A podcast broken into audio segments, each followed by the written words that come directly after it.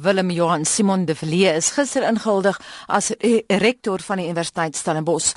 Professor de Villiers se nering is die mediese veld waar hy veral met sy navorsing oor gastro-enterologie naam gemaak het. Hy het onder meer op Oxford studeer, maar was ook verbonde aan die Universiteit van Kentucky.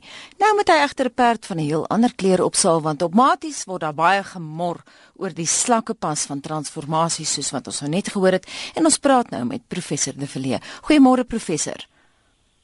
Goeiemôre Anita. Baie welkom en baie geluk met jou aanstelling. Baie dankie, waardeer dit.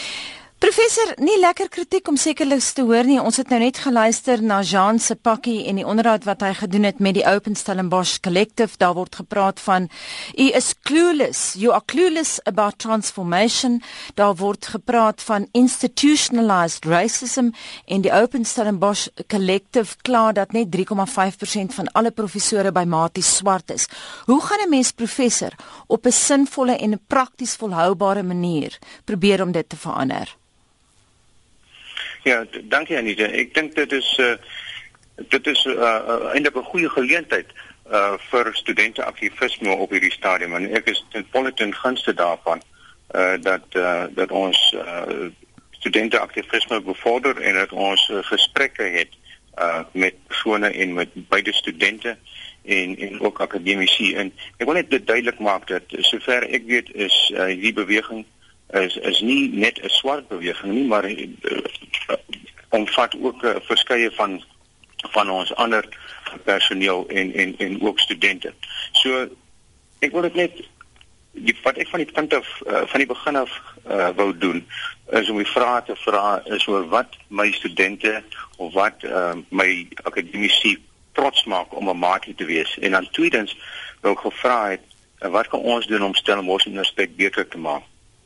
En soos ek in my inhuldiging verlede gister gesê het, is dat op die eerste vraag het ek verskeie positiewe response teruggehoor.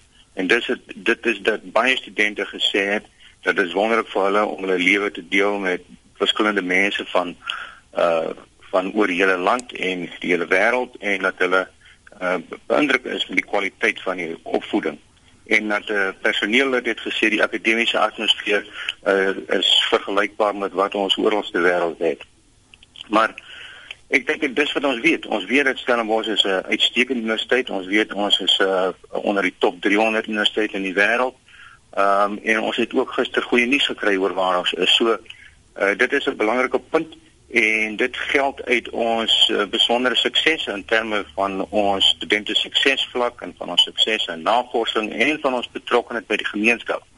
Maar as dit kom by die by die tweede punt is oor wat ons kan doen om Stellenbosch 'n beter plek te maak, dan is daar heelwat vrae rondom transformasie en inklusiwiteit en diversiteit in ons institusionele kultuur en simbole en ook oor die vrae rondom die die taalbeleid.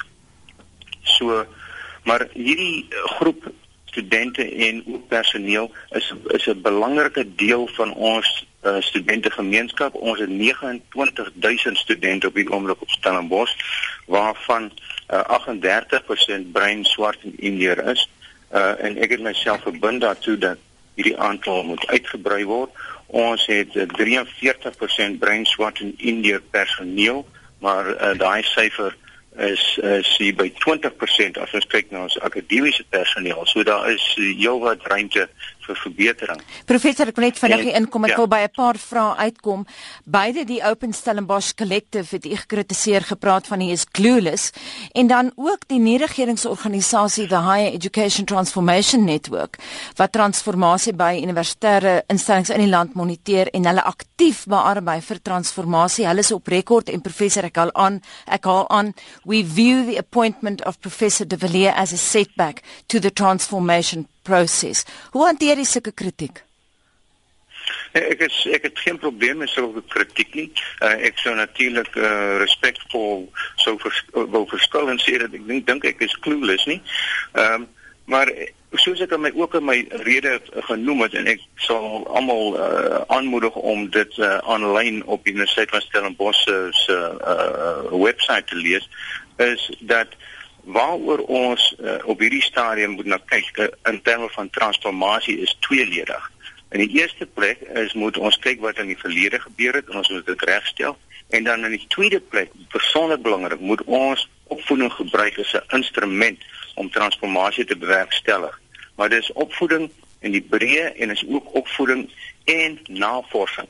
Dis een van die mees kragtige uh elemente om transformasie teweeg te bring is deur navorsing. En in daai uh spesifieke aspek is Stellenbosch Universiteit 'n navorsingsintensiewe universiteit en ons moet ons fokus op nisareas waar ons plaaslike relevante en globaal kompeterende navorsing kan doen presies om die aspekte waarvan melding gemaak word om wat ek noem die sogenaamde wicked problems is van armoede, werkloosheid en um, en uh, ongelykheid om daardie wêreldwye uh, probleme en dinge wat spesifiek uh, in Suid-Afrika uh van van uh, belang is om dit te help oplos. Professor gepraat van wicked problems. Dis nou ook moeilik vir u want u sit nou met die gebakte pere van die verlede.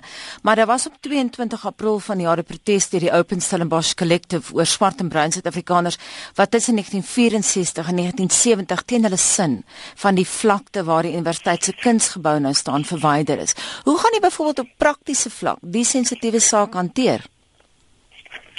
So ek wat was eintlik vir my geleentheid gewees om gister te kon aankondig dat ehm um, en dit is 'n uh, beskorent daar was in die 1960s was daar gedwonge verskywings uit die vlakte. En dit was eintlik in die area uh, waar die uh, huidige letter en sosiale wetenskappe gebou opgerig is op onteiening grond.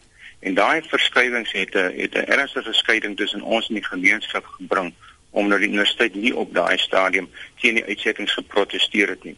So in in my voorganger se termyn is daar 'n omvangryke permanente uitstalling in die universiteitsargief aangebring. So dit het alreeds 'n paar jaar gelede gebeur om ons herinner aan daai gedwonge verskywings uit die vlakte in die in die 60s.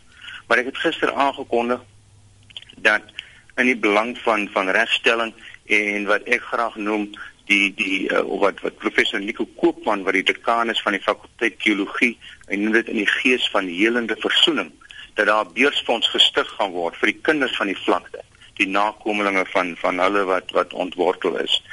En dit moet ook gesien word teen teen 'n agtergrond van het Stellenbosch Universiteit uh, 588 miljoen rand in beurse en lenings vir 37% van ons studente uh, vir die jaar bewillig het en van daardie bedrag het 55% gegaan aan swart, bruin en indiër studente gebaseer op meriete en ook op op op finansiële nood.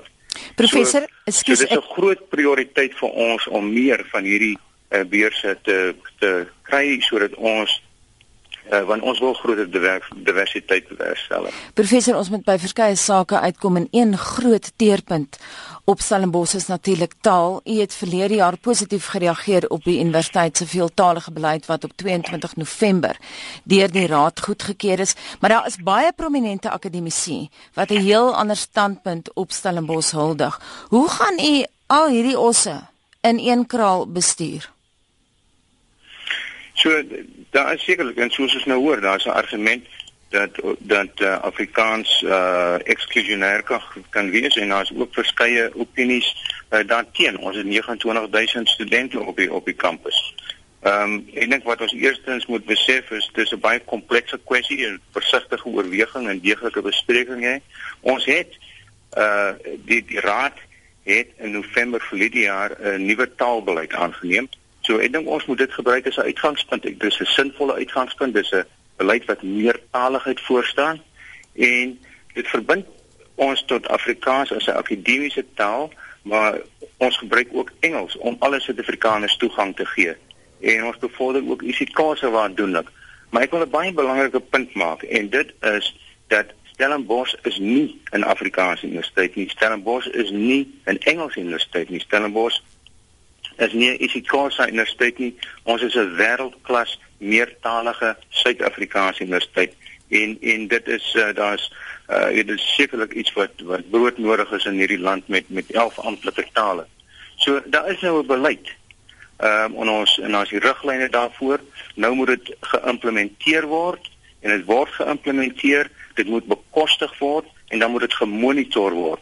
So net as 'n as 'n 'n voorbeeld van hoe uh, dit toegeneem het oor die in die vordering op hierdie gebied is uh omtrent 3 4 jaar gelede was die aanbieding van Engelse modules was 25% en dis nou hier by die 64%. So dis soortgelyk aan wat dit uh, Afrikaanse modules is en die doel is om tot by 75% te kom. So daar is al reeds heelwat vordering in hierdie verband, maar dit moet gemonitor word op op 'n deurlopende basis. Professor net baie kortliks, professor Jonathan Jansen van Koffsies het verlede jaar na die dood van professor Russell Botman in 'n artikel in Mail and Guardian 'n aanval geloods op wat hy as matiese regse vleuel alumni beskryf het. En hy het gekla oor die moeilike tyd wat professor Botman moes deurgaan en verwys na die politiek op die kampus. Enige kommentaar kortliks? Ek wil my liewer nie uitlaat oor wat professor Jansen gesê het nie. Professor, wat sien u baie kortliks as u grootste uitdaging? Ek dink die grootste uitdaging is transformasie in die breë, maar ek wil my nie uh ek wil nie fokus op slegs op getalle nie, want dit gaan oor oor transformasie in die in die geheel en dit gaan oor die, die transformatiewe effek van opvoeding en veral hoër opvoeding 'n belangrike rol wat ons speel in die land en ook navorsing en weer belangrike probleme aan te spreek. En dit is hoe ons die land sal sal uh, voorneem.